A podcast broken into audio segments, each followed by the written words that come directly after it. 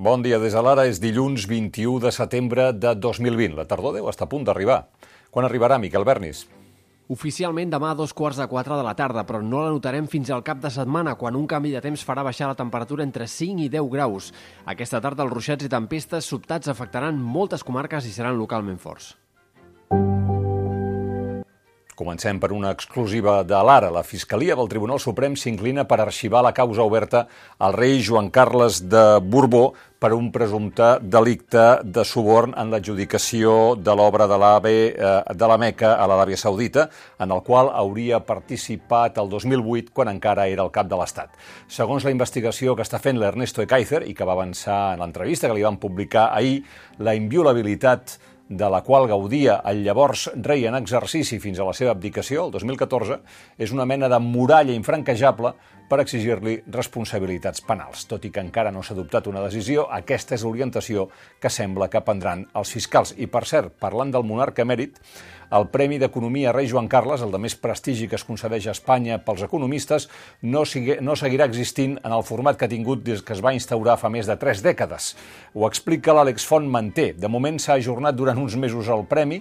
El més probable és que també se li canvi el nom. Està dotat, molt ben dotat, amb 72.000 euros, que no els posa l'Estat, sinó una fundació eh, de José Celma Prieto, eh, que és un eh, tortosí que va morir al març als 95 anys, una persona molt ben relacionada amb el franquisme i que va fer diners gràcies al fet que li van adjudicar assegurances eh, al sector públic.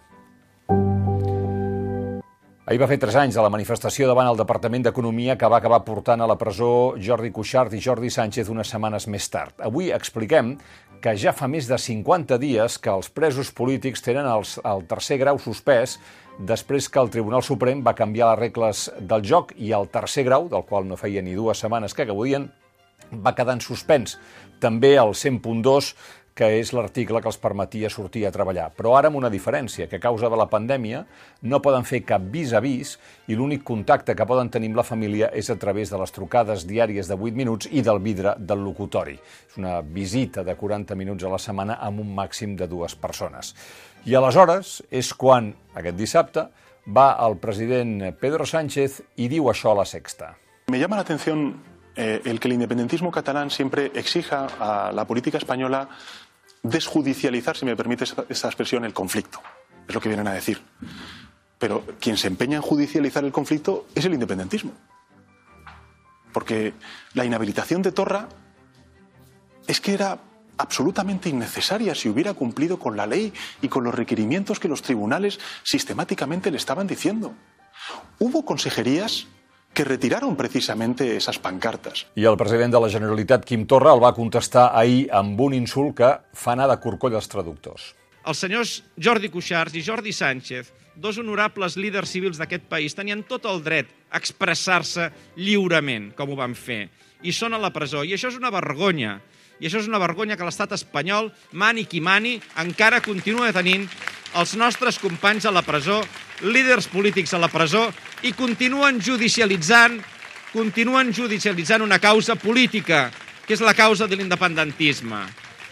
Doncs, si em permeteu, i en homenatge al gran Joaquim Ventalló, la meva resposta al president Sánchez és que és un bon tros de quòniam. El terrassenc Joaquim Ventalló i Vergés va ser el traductor del Tintín al català i el capità Haddock li feia dir expressions com ara tros de quòniam. Per cert, que avui comença el judici al regidor de Sant Joan de Vilatorrada, eh, Jordi Pesa Rodona, el que es va posar al nas de pallasso. I més que en vindran de judicis, perquè, com estan veient, eh, Impulso Ciudadano i Societat Civil Catalana preparen nous recursos per presentar a partir de l'octubre. Argumenten que les institucions no tenen llibertat d'expressió. De les pàgines d'Internacional destaquem que Donald Trump no ha deixat passar ni 24 hores des de la mort de la jutge del Tribunal Suprem Ruth Bader Ginsburg, llegenda de la justícia nord-americana i icona del feminisme, per anunciar que pensa col·locar una jutge del seu tarannà al Suprem i consolidar així la majoria conservadora de l'òrgan, que passaria a tenir sis jutges conservadors d'un total de nou. Els demòcrates s'hi oposen en l'argument que hi haurà eleccions d'aquí menys de dos mesos i el president s'hauria d'esperar a després del 3 de novembre per veure si continuarà ocupant la Casa Blanca. Els parcs naturals es preparen per limitar la llau d'excursionistes. L'augment de visitants després del confinament fa créixer les cues, els rescats i les deixalles a la muntanya, a la muntanya incloses les mascaretes. Del virus, la Guàrdia Urbana de Barcelona va dissoldre dissabte a la nit una botellada amb la participació d'unes 400 persones, mentre que a Madrid van sortir milers de persones al carrer a favor de la dignitat del sud i en contra dels confinaments segregadors del govern del Partit Popular i Ciutadans que avui comencen. Hi ha un milió de persones a Madrid a partir d'avui amb mobilitat reduïda. De moment sense multes, només amb caràcter informatiu. Centenars de veïns de les 37 eh, zones on s'han decretat restriccions van sortir al carrer per criticar que les mesures anunciades per la presidenta Díaz Ayuso diuen que són ineficaces i discriminatòries. Van estar convocades per associacions veïnals i denuncien sobretot les limitacions de mobilitat que comencen avui perquè creuen que només eh, perjudiquen les zones més humils i reclamen recursos sanitaris i millor transport públic pels seus barris. I, per cert, parlant de sanitat, uns 3.500 metges interns residents, els MIRS dels Hospital i dels CAP de Catalunya, faran vaga des d'avui fins dimecres per denunciar condicions precàries que s'han agreujat amb la crisi del Covid-19. Cal recordar que després de 10 anys d'estudiar, els nous metges cobren uns 16.000 euros bruts anuals en, els cas, en el cas dels residents del primer any. A Cultura tenim una entrevista amb l'actor David Verdaguer perquè en només 10 dies han arribat a la cartellera dues pel·lícules seves, Salir del ropero, que és l'últim treball de Rosa Maria Sardà, i Uno para todos, que és un drama juvenil sobre l'educació en què fa eh, de tot, fa de protagonista absolut. La coincidència és símptoma del bon moment professional de Verdaguer, però també de la seva capacitat per alternar registres interpretatius. A l'entrevista, en Verdaguer té un record per en Carles Capdevila, que el va llançar la fama com a reporter del bigoti de l'APM. Els esports hi tenim dos empats a zero, el de l'Espanyol a casa amb el Mallorca i el del Madrid al camp de la Reial Societat. El Barça començarà a la Lliga jugant diumenge que ve a les 9 de la nit al Camp Nou contra el Villarreal.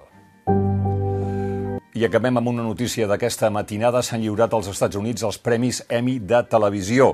Hi ha dues grans sèries guanyadores. Una és Succession, de la HBO, i l'altra és la comèdia canadenca Schitt's Creek.